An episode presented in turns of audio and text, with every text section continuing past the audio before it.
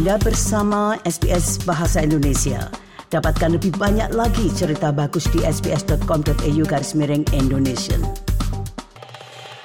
Baik pendengar sekalian, uh, kali ini saya sudah tersambung dengan uh, Victoria Winata yang di mana Victoria ini uh, baru saja mementaskan sebuah pentas monolog berjudul May 1998 atau May 1998 yang digelar di Motley Bauhaus di Carlton, Melbourne.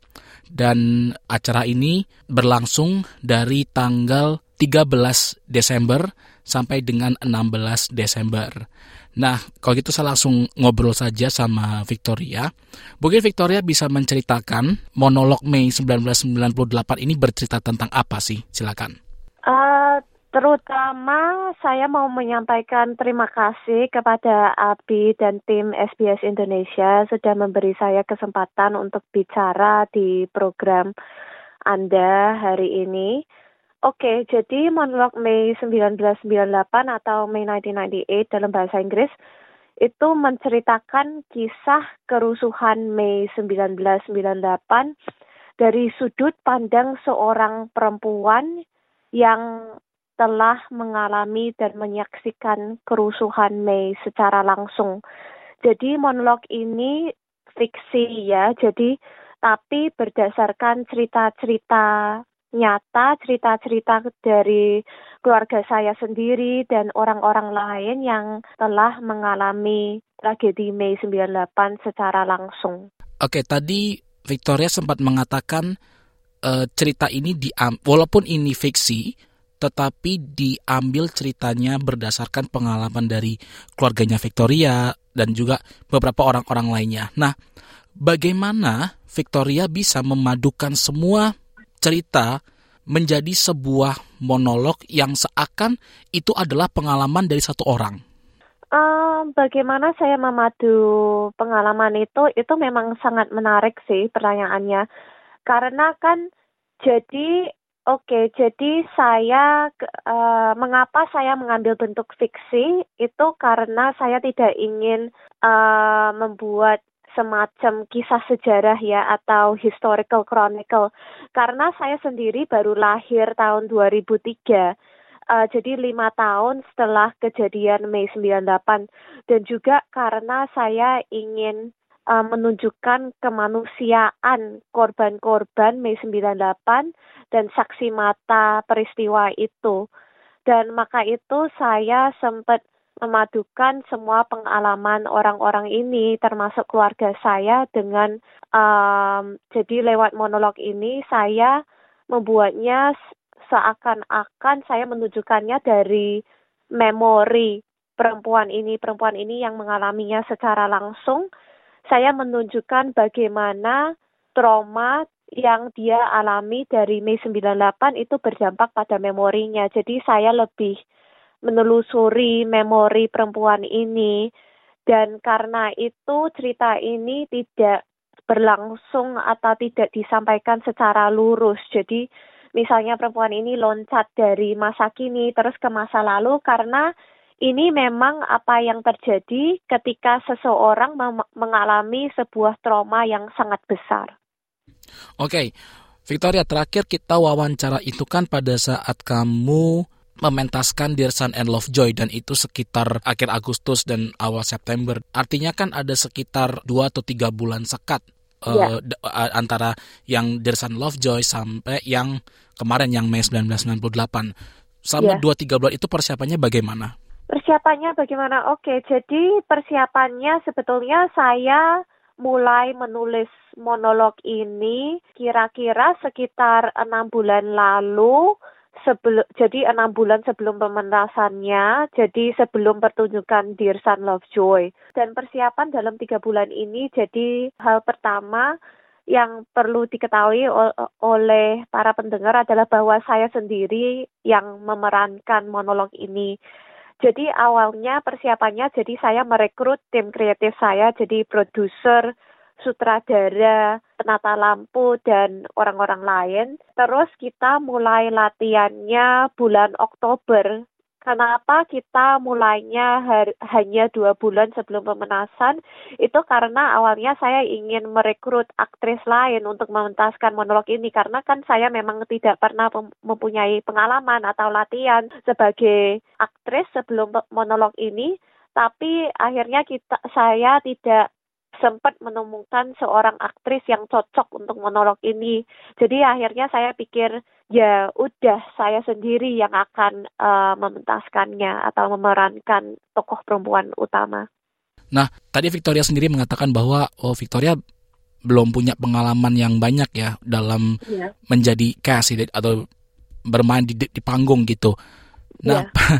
saya pengen tahu pada saat penampilan apa yang kamu rasakan? Apakah kamu sempat deg-degan atau just do it gitu?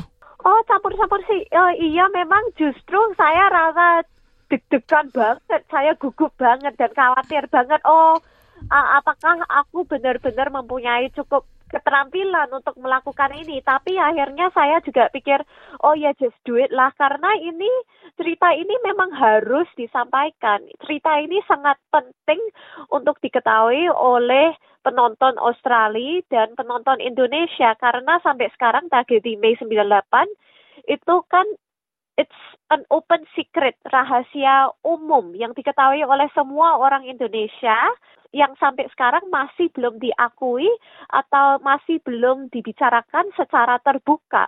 Dan saya pikir saya harus melakukan ini karena Mei 98 itu harus dibicarakan untuk para korban yang masih hidup sampai sekarang dan juga saya juga merasa cukup confident atau cukup mampu untuk memerankannya karena kisah Mei 98 memang sangat personal bagi saya sendiri. Jadi semua hal yang saya rasakan pada saat penampilan, pada saat pementasan itu memang perasaan saya sendiri karena kan karena saya datang dari keluarga etnis Tionghoa yang pernah mengalami rasisme yang sangat parah di Indonesia. Jadi luka-luka ini dan kesakitan ini yang saya tunjukkan lewat monolog itu perasaan yang nyata yang telah saya warisi dari keluarga dan teman-teman dan komunitas saya di Indonesia. Oke, sebelum saya menonton uh, pementasan Mei 1998 ini, uh, saya sempat membaca sedikit informasi tentang tim produksi dan ternyata justru kamu adalah satu-satunya orang Indonesia ya yang di tim yeah. produksi itu. Nah, pada saat teman-teman kamu nih tim produksi lain ini mengetahui tentang proyek ini tentang cerita 98, what is their first reaction? Pertama kali saya bicara tentang proyek ini kepada teman-teman saya, ya reaksi pertama mereka, ya ini saya bicara tentang teman Australia saya ya yang bukan orang Indonesia, mereka justru hmm.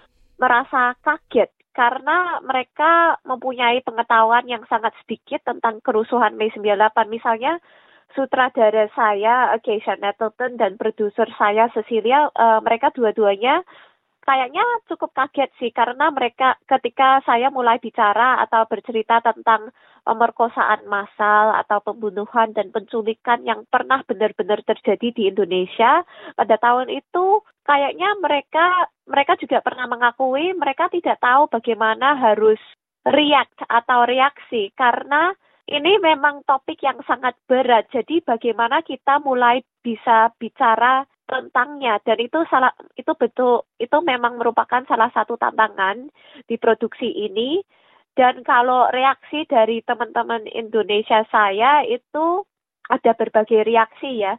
Jadi kan saya bicara banyak dengan ibu-ibu atau bapak-bapak yang pernah mengalami kerusuhan Mei 98 secara langsung dan mereka bahagia bahwa saya mau membuka percakapan tentang Mei 98, tapi mereka kan juga bilang kamu harus hati-hati ketika bicara tentang Mei 98 karena kan ini menjelang pemilu, kebetulan menjelang pemilu, meskipun saya tidak mempunyai pesan politis sama sekali dalam produksi saya, saya ingin menerangkan, tapi mereka bilang kamu harus khawatir, harus hati-hati, tapi bagus bahwa kamu ingin mulai uh, bercerita tentang peristiwa ini. Oke, okay.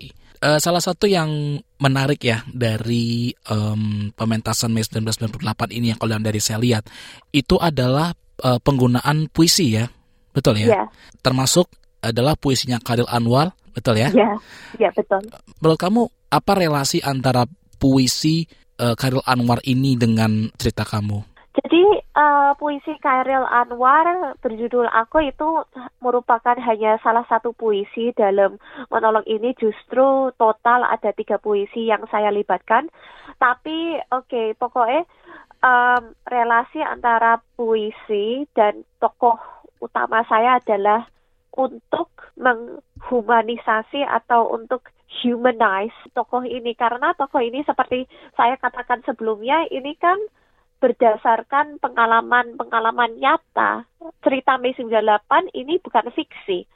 Jadi saya ini salah satu upaya saya untuk uh, menunjukkan bahwa peristiwa Mei 98 ini terjadi pada korban yang nyata, yang benar.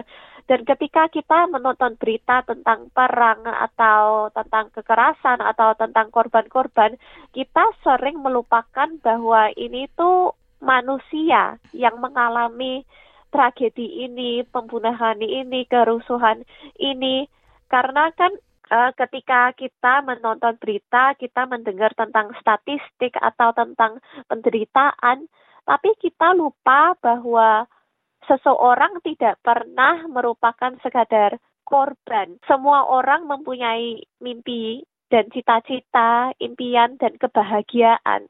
Termasuk tokoh saya dalam monolog Mei 1998 dan juga karena saya sendiri adalah pe, uh, pecinta sastra dan puisi jadi ini juga merupakan salah satu upaya untuk saya sendiri untuk mempunyai lebih empati buat tokoh saya untuk membuatnya lebih personal dan sub, untuk membuatnya lebih mudah dalam performance saya dalam pementasan saya. Jadi untuk mempermudah pementasan saya karena sebelum ini seperti saya katakan sebelumnya saya tidak mempunyai pengalaman dalam acting sama sekali.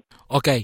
Um, ini pertanyaan terakhir. Yeah. Dari tanggal 13 sampai 16 Desember artinya dari 4 4 hari pementasan. Yeah. Bagaimana mungkin pendapat atau testimoni bagi orang-orang yang menonton? Bagaimana uh, what's their reaction? Uh, sebelumnya saya cukup terkejut karena saya tidak sama sekali expect bahwa reaksinya akan seperti akan begitu banyak. Justru ada banyak orang setelah pementasan yang uh, mendekati saya untuk bicara dan semuanya secara umum bilang hal yang sama, kurang lebih hal yang sama. Mereka bilang bahwa ini pementasan yang sangat mengharukan, jelas sangat personal. Tapi juga ada orang-orang yang bilang mereka mempunyai koneksi atau sempat nyambung dengan cerita saya atau mempunyai koneksi personal. Uh, misalkan uh, dua malam lalu saya dengar ternyata ada seorang penonton kayaknya kalau tidak salah dia penonton dari Iran, mempunyai latar belakang Iran, dia pindah ke Australia dan dia sempat nyambung dengan cerita ini dan sangat terharu olehnya karena dia mempunyai pengalaman yang sangat mirip di negerinya sendiri tentang kekerasan yang dialami oleh orangnya sendiri, oleh komunitasnya sendiri, dan juga kedua tentang konsep homeland atau tanah air yang saya tunjukkan di monolog ini dan merupakan salah satu tema besar di monolog saya itu tema tanah air dan homeland dan ternyata ada banyak orang yang bilang mereka mempunyai kaitan khusus dengannya. Karena kan ini tragedi Mei 98 bukan peristiwa unik ya yang hanya terjadi di Indonesia tapi di mana-mana kayak di Asia Tenggara misalnya atau di seluruh dunia selalu akan ada peristiwa besar, peristiwa kekerasan dan kejahatan negara. Dan saya sangat terharu bahwa ada banyak penonton yang menyadari bahwa ada banyak orang di seluruh dunia yang pernah mengalami kekerasan, tragedi, dan pernah yang harus pindah dari tanah air mereka sendiri. Jadi saya cukup bahagia um, mendengar reaksi-reaksi itu dari para penonton karena itu membuktikan kepada saya bahwa kita semua ini manusia dan meskipun kita tidak semua mempunyai latar belakang yang sama, kita masih bisa saling mengerti, saling memahami karena kita semua pernah mengalami kesakitan dalam kehidupan ini dan juga kebahagiaan. Artinya adalah bahwa film ini itu tidak hanya mengingatkan atau mengobati orang-orang yang pernah mengalami tragedi 98 di Indonesia, tapi juga orang-orang yang dari negara lain yang mungkin kejadian yang dialami 11-12 dengan ya. uh, apa yang terjadi di 1998. Oke, okay, uh, mungkin itu saja yang uh, bisa saya tanyakan ke Victoria. Saya lagi terima kasih atas uh, kesempatannya untuk berbicara bersama dengan SBS. Oke, okay, terima kasih Abi. Selamat sore ya. Anda ingin mendengar cerita-cerita seperti ini? Dengarkan di Apple Podcast, Google Podcast, Spotify, atau di mana pun Anda mendapatkan podcast Anda.